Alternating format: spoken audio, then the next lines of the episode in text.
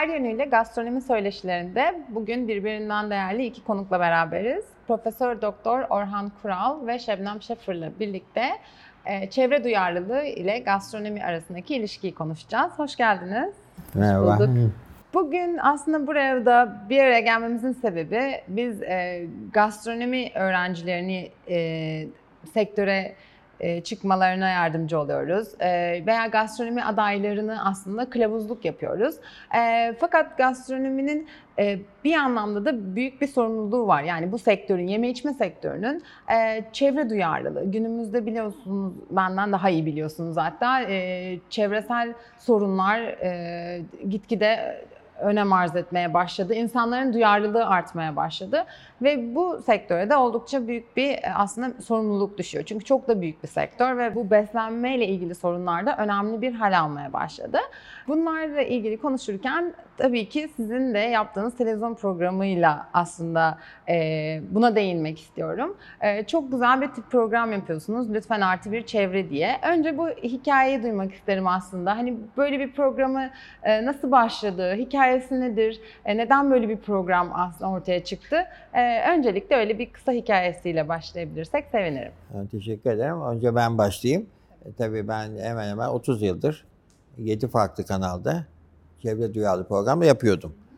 Ee, işte son teklif Bloomberg'den gelince Ciner grubu içindeyiz. Kendisine teşekkür ederiz. Ee, özellikle Ciner grubu bize çok destek oldu. Ee, adını lütfen artı bir koyduk çünkü Narsimons'un bir sözü bu. Yani şunu kastediyoruz, bir kişi bile kazansak kardır diye. Ee, sağ olsun Şebnem son iki senedir aramıza katıldı. Dört Da- sene oldu. Oldu mu? oldu. Evet, evet. Evet. O kadar hızlı geçiyor ki zaman. Oldu, oldu. Program 8 yıldır devam, Devam ediyor. ediyor. Yani Evet, ben son dört sene. Belki de en uzun programlardan biri oldu bilemiyorum. Ee, ve herhalde iyi gidiyoruz ki bizi tutuyorlar. Ee, Yani tutmasak, e, reklam alamazsak herhalde program sona ererdi diye ümit ediyorum. Ve bu programın amacı her programda bir kişiyi bile çevre duyarlı yapabilmek. Biliyorsun bu konu sadece programda kalmıyor. Bugüne kadar 6000 konferans verdim. Bu dünya rekoru. 193 ülkeye gittim.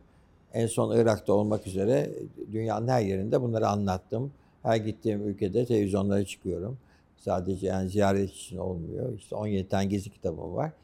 Ama tabii Şebnem'le, Şebnem tabii ben yaşlıyım, çirkinim, Şebnem güzel. O bakımdan programı bir, bir dengeliyoruz. Tabii insanlar karşılarında güzel insanlar da görmek istiyor. Fakat ayrıca Şebnem çok e, dikkatli, titiz. Yani bir yanı Alman'da olduğu için o Alman kültüründen dolayı çok memnunum. Hiçbir zaman bir aksaklık olmuyor. Bazen de problem yaratanlar oluyordu. Ama gayet titizlikle hazırlığını yapıyor, çevre haberlerini topluyor. Onlarla çalışmaktan büyük mutluluk duyuyorum. Ben de aynı şekilde benim için de öyle. Bana bu e, ilk başta ben konuk olarak gitmiştim programına. E, sonra ben de dahil oldum sunucu olarak. E, benim için de gurur verici ve ben de çok şey öğreniyorum. Yani Orhan Bey'le bu programı yapmak e, benim de ufkumu açtı diyebilirim. Birçok şeye e, düşünmediğim şeyleri düşünmeye başladım çevreyle ilgili. E, araştırmaya başladım tabii bu programı yap, yaptığımdan dolayı. Ben de kendisine teşekkür ederim. Artık öyle bir e, programda güzel bir ikili olduğumuzu düşünüyoruz. E, ve Biz de seyirci olarak. Evet teşekkür ederiz. Yani lütfen artı bir nice lütfen artı birlere inşallah e, kazanmaya çalışıyoruz. Her e, geliş her programımızda e, tanınmış konuklarımız oluyor. Sanat camiasından, farklı camialardan da. E, ve onlarla birlikte farkındalık yaratmaya çalışıyoruz. E, sizin de yaptığınız gibi. Teşekkür ederim. Valla Başarılarınızın bu anlamda devamını diliyorum gerçekten. Ee, biz de bölüm başkanım da dahil olmak üzere keyifle takip ettiğimiz bir program. Hatta çok da heyecanlanmıştı e, duyduğu zaman e, bu böyle bir program gerçekleştirdiğimiz için. Ee, Biraz da e, aslında sürdürülebilir ekonomilerden bahsetmek istiyorum. E, biliyorsunuz yani bir yerin kalkınması için her anlamda ekonomik olsun, sosyal olsun, ekolojik anlamda olsun kalkınması gerekiyor. Yani tek bir şeyle kalkınması tek bir yönle olmuyor. Bu anlamda da sürdürülebilir e, ekonomiler yaratmak için de e, beslenme ve beslenme kaynakları en temel ihtiyaçlarımız Ee, ve bununla ilgili kaynakların sürdürülebilir olması oldukça önemli bir konu. Ee, Sizce sizin bakış açınızla bizim sektörümüz, yeme içme, gastronomi sektörünün bu anlamda sürdürülebilir bir e, sistem oluşturmadaki rolü nedir? Allah şimdi söyleyeceklerim hoşunuza gitmeyecek. Sorun değil. Şimdi vejeteryanım. Vegan olamadım. Bütün Türk halkından özür dilerim. Vegan olmam gerekirdi. Başaramadım. Ve yiyecek sektörünün özellikle et sektörünün e, yanlış yolda olduğu düşüncesindeyim. Ben kimseyi vejeteryan, vegan yapmak diye bir gayretim yok. Ama unutmayın ki ormanlar yok ediliyor, meralar yapılıyor. O hayvanların biliyorsun yarattığı sera gazları dünyamızı yok ediyor. Şu anda Kiribati'de insanlar artık adalarını terk edip taşınmaya başladılar. Et sektöründe bunda fonksiyonu çok. O yüzden ve çok fazla tüketen bir toplumuz. İsim vermeyeyim, hoşunuza gitmeyecek ama bir adam var işte tuzlarla falan oynuyor. Ee, Ben şöyle bir şey yaptım. Yani bir gün kendisiyle bir konferansa giderken havaalanında t- tanıştık. Yanımdaydı. Dedim inşallah benden önce ölürsün dedim. Şaşırdılar. Hocam ben sizi çok seviyorum dedi. Kim olduğunu söylemeyeyim biliyorsunuz. Ondan sonra dedim et, et altınlara çarpıp et yapıyorsun. Dünyanın parasını alıyorsun dedim. Bu topluma çok zararlı bir insansın dedim. Onu bulamayan milyonlarca insan var dedim. O yüzden dedim ben sizi seviyorum dedi. Beni seversen benim değerim kalmaz evladım. Beni sevme ne olur dedim. Ve ayrıldım. Yani şunu söylemek istiyorum. E, sektörde tabii ki insanlar yiyecek içecek. Fakat fast food tamamen karşıyım. Hayatım boyunca bir gün hamburger yemedim. Bir gün o tehlikeli kolayı içmedim. Bilmiyorum bu konuda sizin tutumunuz nasıldır? Benzer bir tutum bize içerisinde. benzersinizdir. Rahat olabilirsiniz. Hayatımda eskiden içiyordum. Çok büyük hata. Esin Afşar'ın bana söylemişti. Bir 30 yıldır evime biri kola getirirse, misafirlerim oluyor. Benim evim müze oldu biliyorsunuz, halka açık. Bazen gelenler hemen e, musluğa döküyorum. Benim evime diyorum kola girmez. Böyle bir tutumum var. Ee, inşallah o fast food'ların hepsi kapanır. Benim duamdır. Ee, Çünkü çok zararlı şey satıyorlar gençleri maalesef kullanıyorlar. Çok zararlı bir sektör. O hayvanların çektikleri biliyorsunuz o tavuklar, inekler tamamen bir fabrika gibi çalışıyorlar. Onları alıyorlar bir kapalı alanda. Belli bir ağırlığa geldikleri zaman kapak açılıyor. Zavallılar ölüyorlar.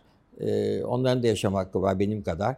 Ben bir sivrisineği bile öldüremem. Çünkü sivrisineğin de benim kadar yaşam hakkı olduğunu ve dünyanın en zeki hayvanıdır si- sivrisinek. Biliyorsunuz böyle havadan herkesin kan grubunu tespit eder ve hangi kanı alacağını bilir oraya gider. Biz onun teknolojisinin onda birine sahip değiliz. Ha, çok konuştum. Sen de Estağfurullah, misin? estağfurullah. Doğru çok enteresan aslında öyle düşünürsek o açıdan hiç bakmamıştım sivrisineğe. Evet çok akıllı hemen kanı bilip doğru. Ee, ben şöyle söyleyebilirim. Bu eskiden bu fast food zincirinde mesela biz küçükken e, annemi hatırlarım bir ya da iki kez senede mesela bu e, çocuklar için özel bir torba hazırlarlardı bu fast food bir, bir zincirinde. Şimdi ismini söylemeyeyim. Oyuncak veriyorlardı. Ben nasıl hoşuma gidiyordu ama gitmezdik pek. O bizim için bir şeydi. Hani bir olaydı oraya gitmek. Hani değişik bir olaydı. Gündelik Fakat bir şey gündelik değildi yani. değildi. Ve e, sonra ben e, yaş büyüdükçe ve hiç hoşuma gitmemeye başladı. Ben de hiç ye- yemiyorum. Yani yemiyorum işte ancak diyelim bir toplantı bir yerlerde acele getiriyorlarsa yiyorum açsam eğer. Ama ben kendim gidip almıyorum. E, kola ben de hiç al, almıyorum evime girmez. Sadece benim hoşuma gitmeyen mesela siz bazen sipariş verirsiniz de pizzayla. Su yok yanında direkt kolayı satmaya çalışıyorlar. Bir menünün içinde. Beni zorla yani aldırtıyorlar bana onu. Yani o benim çok çok saçma geliyor bana. Ee, ve şu ancak bireysel olarak ne yapabiliriz? Ee, hani sizin de çocuğunuz var, benim de ileride çocuğum olursa şimdi küçükten yetiştirirseniz, o bilinçle yetiştirirseniz, onun zararının farkına varırsanız, e, vardırırsanız ona göre o çocuklar bilinçli bir şekilde büyür. Ama eğer çocuklara işte canım çocuğun canı çekti diye götürürseniz her yere öyle olmaz. Çocuğu bilinçlendirmek zorundasınız. Biraz da anne babaya kalmış bu bir şey. Ancak yeni nesil bence ya küçükten bunu öğrenirse e, çünkü o gazlı içeceklerin ve o fast food'un ne kadar zararlı olduğunu artık bilmek zorundayız. Doğru. Doğru. Ama bu pandemi süreci galiba bir olumlu e, yönü de oldu. Bilmiyorum siz ne Hayır, düşünüyorsunuz? Pek olmadı. Olmadı Çünkü mı? evlere paket paket pizza geliyor. Görüyorum. Doğru mu yani? Yok, daha çok kola geliyor. Çok bir kere iki kez sipariş verdim. Ay yok senin için demiyorum. Tamam. Genel olarak diyorum. Evet. Ben apartmanda birinci katta olduğum Evet. için habire motosikletler geliyor. o salakça pizzalar gidiyor yukarılara.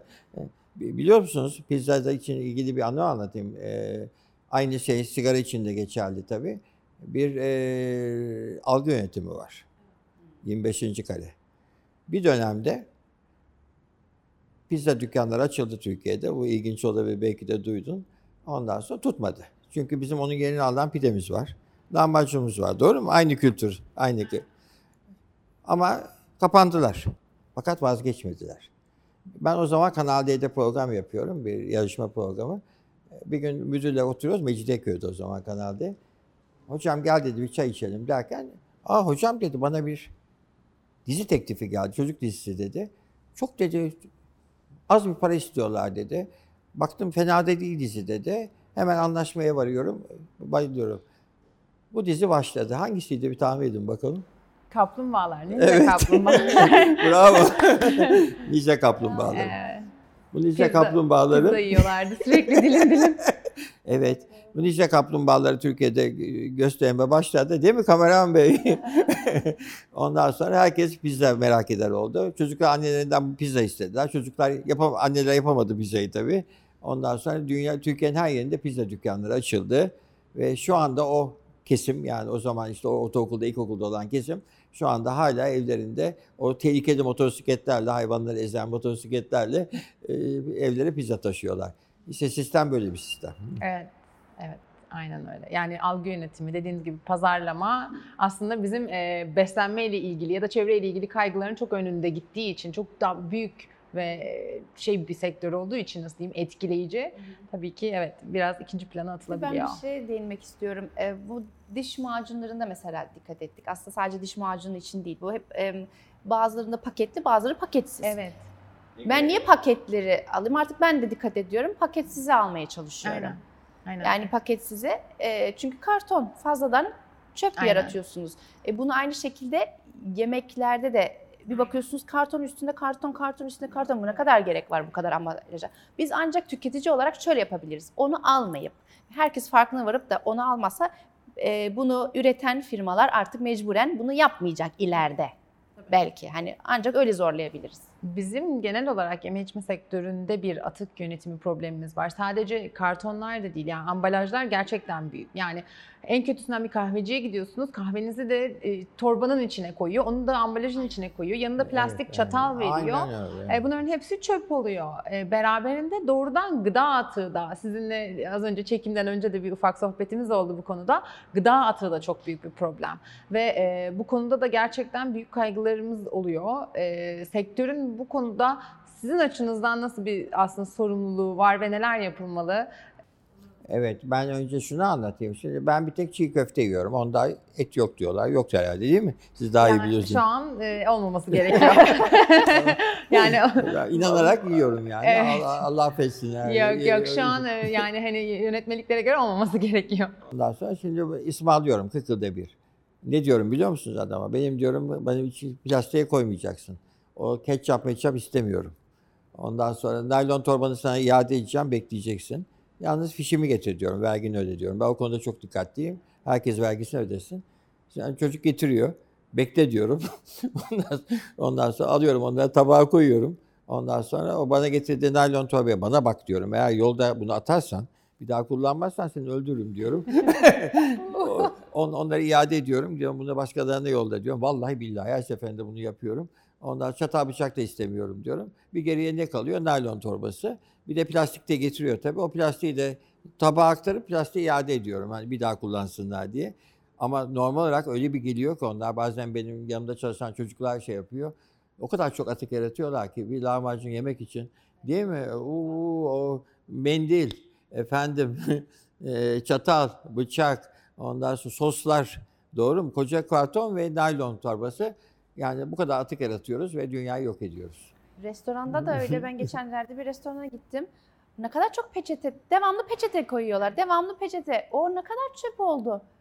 Yani pandemi dönemi belki bazı konularda farkındalık yarattı gibi ama yine daha çok çöp çıkartmaya başladık maskelerle, peçeteler, Çatal plastik bıçaklar çatal. şeylere Çatal. konmaya başladı. Poşetleri sanki onu koyanlar kendi eliyle koymuyormuşçasına Evet. paketli geliyor. E zaten yine dolduran aynı kişi aslında. Baktığınız zaman Evet. ekstradan atık yarattık bu çok anlamda. enteresan bir şey bir yerde mantı yemeye gittim. Ayıptır söylemesi ama gastronomiden bahsediyoruz konuşabiliriz. Rahatlıkla.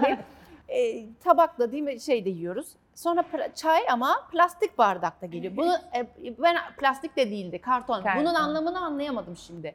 E, diğeri de biz plastikte yemedik. Niye çayı orada oradan niye kâr ediyorsunuz bardaktan? Ağza geliyor. E, yıkanmıyor mu? Yani o kadar da değil. Ne yaptınız artık? E, o zaman elle de belki ellediniz kartonu öyle bakarsanız ben onu nasıl kontrol edeceğim? Yani bazı saçmalıklar var bence. Bazı hani kurallara uyuluyor diyeyim ama, Ama- o ama kurallarda da evet yani şimdi tabakla doğrudan hani ağzınıza götürmüyorsunuz mantık. Hani ne kadar doğrusunu bunu kesinlikle tartışmıyorum. Hani bardağa doğrudan ağız temas ediyor ama çatal bıçak da ediyor. Bu, bu, Evet. bu virüsün geçmediği de artık resmen açıklandı. Diyor ki bir yiyecekten diyor virüsün geçme ihtimali aynı gün üzerinizde 3 tane yıldırım düşme olasılığı aynı diyor Aynen, adam ya. Atı yesin yani. Tabii tabii yok ama Öyle bunu- bir şansı yok zaten yani. Bunu fırsata çeviren işletmeler Evet. diyelim. Bunu bu şekilde yaptığı zaman e, kolayına gidiyor. Bulaşık çıkmıyor. Evet böyle bir bir, de belki de o, o açıdan düşünmedi. Bulaşık çıkmıyor. Çay bardağında. Ama çöp yaratıyoruz ama. Çöp yaratıyoruz. Evet, Yani Evet, bu pandemi yönetimi yönetiminde var. maalesef yiyecek sektörü belki iyi kazandılar. iyi kazandılar. O doğru değil mi? Yiyecek sektörü ve paket sistemi o çok iyi para kazandılar. Fakat o kadar da atık yarattılar. O bakımdan ama doğa intikamını alıyor. Yani ben ona inanıyorum. Bakın bir gün Nijerya'dayım hiç unutmam. Ee, Lagos Üniversitesi'ne konferansa gidiyorum. Yanımda Yumatu'nun sahipleri var. Yusuf Mahmut Tuncay demek Yumatu. Ee, arabanın lastiği patladı. Bunu televizyonda da anlatmışımdır. İndik arabadan. Dediler buradan uzaklaşmayın. Burası tehlikeli bölge dediler. Çevirirken baktım bir köpek. İngilizcesi starvation, Almancası Verhungern, Türkçesi de kaçekçi. Yani açlıktan ölmek demek bu. Köpek resmen açlıktan ölüyor. Yani bir deri kemik böyle zavallı yürüyecek halde diye bir köşeye yığılmış. Yusuf Bey dedim sizin hep yanınızda bir sandviç olur kahvaltıdan. Ne olur dedim şuna vereyim. Bir defalık yesin mutlu olsun. Zaten ölecek yani. E, imkan yok onu yaşatmaya. Yanıma alıp götürecek halim yok ya. Verdim hayvanı yiyordu büyük mutlulukla. 3 yaşında bir çocuk koştu. Ağzından yarısını çekti kendi yedi. Şimdi size soruyorum. Yemeğinde tabağında yemek bırakanlara. Müslümansınız ama haram yapıyorsunuz. Bana annem derdi ki tabağında yemek bırakma arkandan ağlar derdi. Pirinçleri sayardık. Neyse bir gün babaannem benim otoriter bir kadındı. Siyahlar giyerdi böyle. Şişmandı, otururdu. Ben de ilkokula gidiyorum. Başka ilkokuluna gittim ben. Ondan sonra bir gün baktım eğilmiş o haliyle bir şeyler arıyor yerde. Babaanne dedim. Ne oldu dedim. Dedi pirinç düştü dedi. Hiç unutmam bunu. Maçka'da oturuyoruz o zaman. Dedi, dedim ben ben bakayım babaanne sen bırak dedim. Aradım aradım bulamadım. Babaanne bulamıyorum dedim. Bana bak Orhan dedi. Onu dedi insanlar bir pirinç elde etmek için suyun içinde dedi günlerce çalışıyorlar dedi. Bir tane bile pirinç biz bu burada bırakmaya hakkı. Bul onu dedi. Biz böyle yetiştik. Ama şimdiki gençlerin umurunda değil. Alıyorlar alıyorlar çöp yaratıyorlar. Sandviçin yarısını yiyip kö- köşeye atıyorlar. Ee, çok kötü. Yani israf çok kötü boyutlarda. De- Yiyecek israfı çok daha kötü. Aynen. Bir de bu artık bir e, trend haline gelmeye de başladı. Ee, Hani e, istediğinden mesela ihtiyacının çok fazlasını sipariş etmek, açık büfelerde e, O tabakları felaket, Ona doldurup hiç girmeyelim yani. Bir de serpme kahvaltı. Allah aşkına serpme kahvaltıya gitmeyin. Yüzde doksanı çöpe gidiyor. Çarpılırsınız. Bu Günün birinde onların ahı tutar. Ee, ne demek gelenek diyorlar ya. Ee, araştırdım. Gidiyorum serpme. Kavga ediyorum şu anlatırım. Ondan sonra gidiyorum mesela. Diyorum ne oluyor bu serpme kahvaltı? Diyor. Bir tek bala dokunmuyorlarmış. Eğer bala kimse dokunmadıysa bir de zeytine.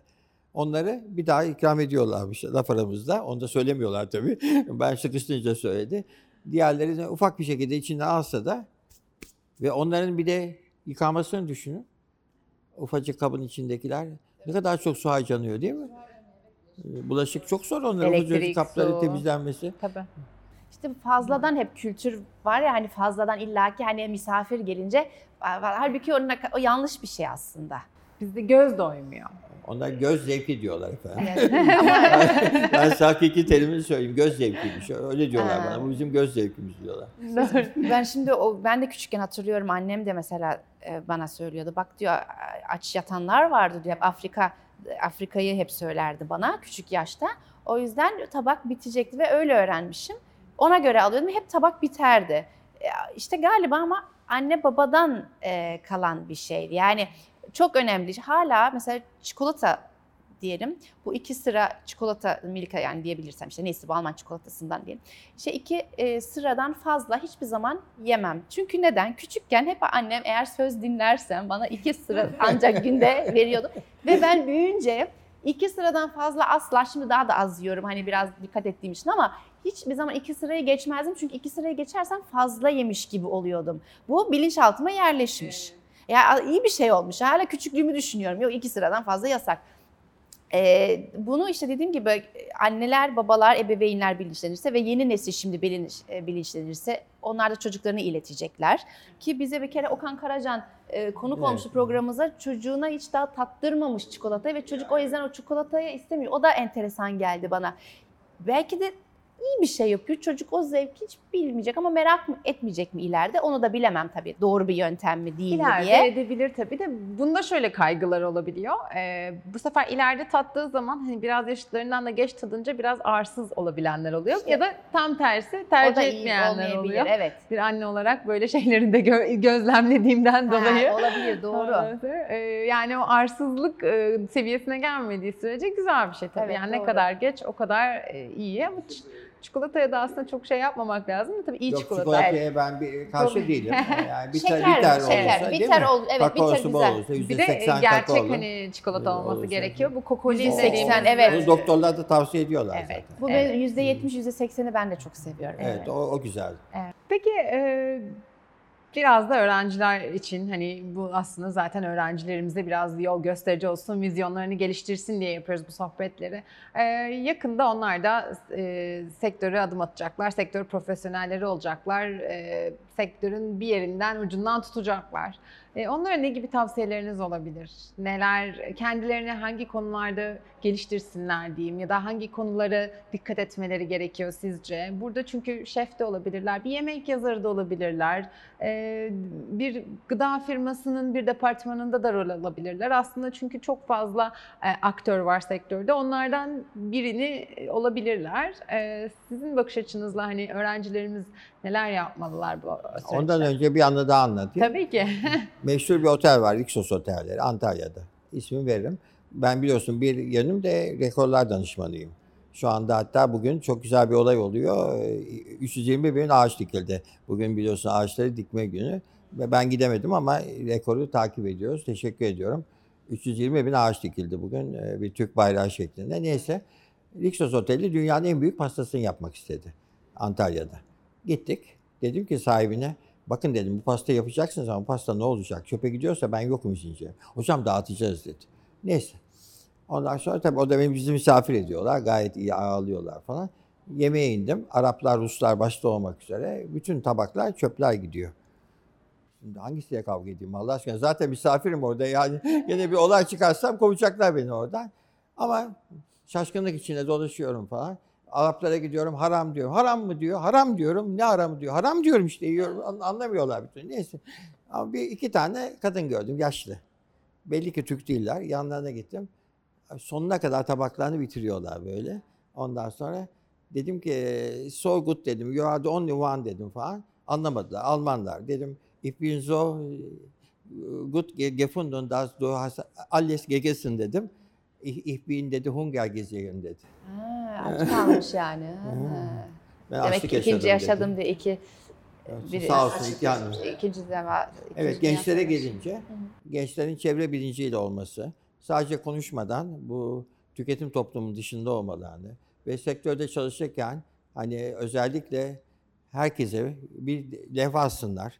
E, israf haramdır diye lokantalarına ve insanlara nazik olarak fazla müdahale edemezler ama efendim işte e, burada bıraktığınız yemekler değerlendiremiyor. Veya el, elinden ne geliyorsa o artan yemekleri bir hayvan barınağına yollasınlar. Öyle bir sistem kursunlar. Onu pek vermek istemiyorlar. Onun için gençlere bunları israfın içinde olmamalarını ve tabii ki olabildiği kadar fast food'u ve ellerindeki o açık büfedeki her şeyi değerlendirmelerini, ona göre miktarları tespit etmelerini, her gün bakıp hani ne kadar bir de diğer sektörde olanlar otellerde havlu mesela ne kadar az kullanırlarsa ne olursa olsun yıkanmaması, onu bir levhasınlar.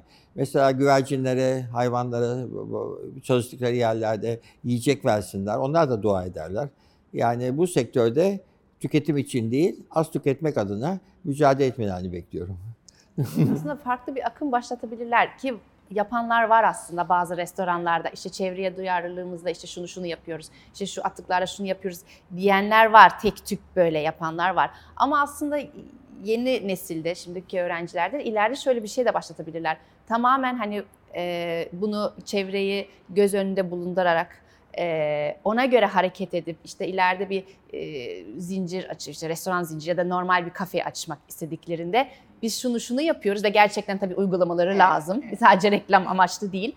Ve gerçekten e, işte hayvanlara veriyoruz şu atık e, şey, işte yemek atıklarını. Şunu şunu geri dönüşüme götürüyoruz ya da az şey kullanmaya çalışıyoruz. İşte böyle böyle yapıyoruz diyerek sırala, sıralayıp ama gerçekten hı hı. tekrar yineliyorum uygulayarak bu sefer de daha çok insan müşteri de e, çekebilirsiniz. Hem farkındalık yaratabilirler hem daha çok müşteri de çekebilirler. Aslında güzel bir şey. Şimdi aklıma mesela benim de geldi. Ben de mi kafe açsam diye. Daha güzel fikir geldi. Bunu Brezilya uyguluyor. Bakalım hazır ol ne diyeceksin? Brezilya'da tabaklar tartılıyor. Duydunuz mu bunu? Ondan sonra ve tabakta aldığı yemek kadar para ödüyor. Ne diyorsunuz buna? Güzel, mantıklı. Hı? Evet. evet. Burada iki, ikiye ayırmışlar. Bir, bir iki yer daha var. Var, var mı öyle yapan? Var. Bir de bir şey daha. Mesela e, bir levha asıyorlar. Eğer tabağınızda yemek bırakırsanız bir daha bu lokantaya giremezsiniz diye. Gördüm. Aa. Gördüm tabii. Birkaç lokantaya duydun mu? Duymuşsundur belki. Almanya'da da yapıyorlar. Diyorlar ki yemeğinizi bitirmezseniz bir daha bu lokantaya gelmeyin veya yemeğinizi tabağınıza bırakacaksanız içeri girmeyin diyen lokantalar bile var. Ben de şey görmüştüm. sınırsız sushi yapmışlar bir işte uzak doğu restoranı. Fakat tabağınızda bırakırsanız da üstüne ekstra ücret alıyor sizden. Hani ha, fix bir rakam ödüyorsunuz ama hani çok söyleyip tüketiciye çok güzel. Bu ama bunu güzel. evet yani demek çünkü, ki başlatılmış yani birçok yerde yani. Ya birçok yerde de böyle, böyle tek tük tek, tek tük örnekler var ama bunu aslında sektöre yaymak lazım tabii. Doğru, Onda evet. da bizim bu yeni aslında alaylı değil de hani okuyup bilinçli bir şekilde e, sektöre adım atacak öğrencilere özellikle büyük bir sorumluluk düşüyor. Çünkü hani alaylı zaten e, olup da bir e, düzenin içinden gelen insanı değişime e, zorlamak belki biraz daha güç olabilir ama bir eğitim alıp, bir e, vizyon alıp bu anlamda sektörü her anlamda tanıyarak çıkan birinin aslında buna daha çok önem vermesi gerekiyor. Ve hani bununla ilgili daha fazla sorumluluk düşüyor tabii ki diyebiliriz. Ama yapılamayacak bir şey değil. Değil, değil. Kolay tek, yani. Tek tük de yapanlar var ama kolay. yeterli değil, değil. tabii. Evet. Ee, bu anlamda aslında birazcık galiba baştan hani e, bilinci oturtmak gerekiyor. Çünkü biz genelde böyle bireysel çabalarla bir, bir toplumsal bilinç oturtabilen bir toplum değiliz. Bazı şeyler böyle diretmeler, dayatmalarla geliyor. Gerçi diyeceksiniz poşetler konusunda da hani 25 kuruş oldu. Hani birazcık aslında bu anlamda atık azaltmayla yönelik bir politikaydı ama biz bunu nasıl yapıyoruz? E, ne var canım 25 kuruş. Yani biz derken genel olarak gördüğüm algı bu şekilde. 25 kuruş en fazla iki tane alacağım. 50 kuruş zaten hani 50 kuruşa kahve bile içmiyorum. Ne olacak mantığıyla e, bu politikalar sürmeyebiliyor. Hani birazcık aslında bu algıyı nasıl yönetmek Abi, lazım. O da yeterli değil. Sadece bunu marketler yapıyor. Ama gidip bir simit alınca, bir tatlıcıya gidince bu kanun geçerli değil öyle değil mi? Her yerde yani Tabii bunun genelleşmesi lazım. Yani sadece onlar da yani başta biraz dikkat ediyorlardı. Azaldı poşet ama gene şimdi insanlar alıştılar. O parayı da veriyorlar dediğiniz gibi. Pek aldırmadılar. Ama acaba onu çöp olarak da kullananlar da var yani. Şimdi. Ben ben alıyorum çöp torbası. Çöp olarak yapıyorum. Hani fazla fazla atı tamam. evet çöp olarak yani. kullanıyorlarsa o zaman bence hani o kadar sorun yok. Ama ben gidip de, de toplu toplu alıp at o yok, olmadı. Evet, yok. evet. Ben, ben, ben bir tane alıyorum çöp torbası. Mecburuz sonra. Almanya'da da öyle. E, İtalya'da yani öyle. bir şekilde çöp yapılıyor ama ekstra fazladan alınanlar için hani hmm. konuştuğumuz zaman ne olacak diye. Gerçi geri dönüşümlü torbalar da var. Var Artık ama bar kaç tek tük. kişi Hepsi hani yapmıyor. geri döndürüyor. Bir de bizde geri dönüşüm sistemleri o kadar. Mesela e, hep şu vardır yani sebze meyve atıklarını hiçbir şey yapamazsanız kompost yapıp Ha, onu, doğaya ama onu ben yapıyorum. Bütün her bugün eve evime gelin buyurun yakın bir gün müze evimi gezin. Gördün mü sen onu? Hepsi to- toplanır. Bakın onu söyleyeyim. Resmini bile gösterebilirim. Ee, bütün meyve atıkları, çekirdekler, efendim işte bilhassa kahve atığı biliyorsun çok faydalı. e, Çay atığı bunları topluyorum. Daha dün akşam yaptık. Bahçeye götürüyorum herhangi bir yere gömdürüyorum. Bakın kaç türlü faydası var. Bir, hayvanlar, solucanlar ve diğer hayvanlar yemek buluyorlar. İki, organik gübre oluyor. Üç, vahşi çöp azalıyor. Ve şimdi benim göre göre ben bunu 6 aydır devam ediyorum. Komşular da önce merak ettiler bu adam ne yapıyor falan diye toprağa kazıyor. Bir de özel, özel kazmam var onunla tarıyorum falan. Şimdi yavaş yavaş onlar da başlamışlar. Sadece bahçesi olmayanlar ne yapacak? evet. Onlar ne yapacak? Bahçesi olmayanlar. Ne olacak? Toplasın bir parka götürsün. işte onu diyorum. Yapa, Bir ona bir şey demezler herhalde değil mi? isterlerse. Ona Yani- da bir ya da acaba öyle bir belediye böyle bir şey yapsa Böyle bir sırf sistem öyle bir geliştirir. sistem mesela Yok o geçirse. zor olur. O, O zor, zor o mu? zor. Çünkü çok dayanmıyor onlar biliyorsun. Evet, bir süre sonra. evet, hemen. Ben buzdolabına koyuyorum. Yoksa e, sinek oluyor ufak evet, ufak. evet. Ee, onu buzdolabına koyup gömüyorum ama kim yapsa yapabilir yani. En azından birine verir, şunu al bahçene dök der. Mesela Almanya'da bütün e, bahçeli evlerde yapılıyor bu iş. Bizim, bizim evde de var. Bizim Tabii. evde de Almanya'da bahçede hep Hı. böyle gübre yapılır. Zaten Orada var ama bahçe var. Şimdi burada apartman Evet. dairesine oturunca işte ya yan herhangi bir komşunun şeyini bahçesine gidemem. Şimdi hakikaten zor. Şimdi nereye atabileceğim onu ben de apartmanda oturuyorum biliyorsun. Siz ama orada bir yer buluyorsunuz. Cezası yok herhalde değil mi? İşte belediyenin herhangi bir şeysi olmaz. Yok yok. Ben de besliyorum. yani? Ben toprağı besliyorum. Hayır ben bilinçlendirmek adına söylüyorum. Sadece. Aynen. Çok teşekkür Aynen. ederiz. Çok Biz teşekkür keyifli bir ederiz. sohbet oldu. Vallahi biz teşekkür Ee, ederiz. Geldiğiniz için. Ben bu konularda iyiyimdir. Evet, Burada bir tevazuculuk konular- İyi yapmam destek ya. veririm ben de. Çok çok Şebnem de keyifli öyle. bir ekip olmuşsunuz. Orası Vallahi kesin. siz de, siz de güzel bir iş yapıyorsunuz. İnşallah farkındalık daha da artar. Teşekkür ederiz biz de. Sağ olun. Çok sağ olun. Ee, Efendim herkese başarılar diliyorum. Nice mutlu coğrafyalarda uyanın.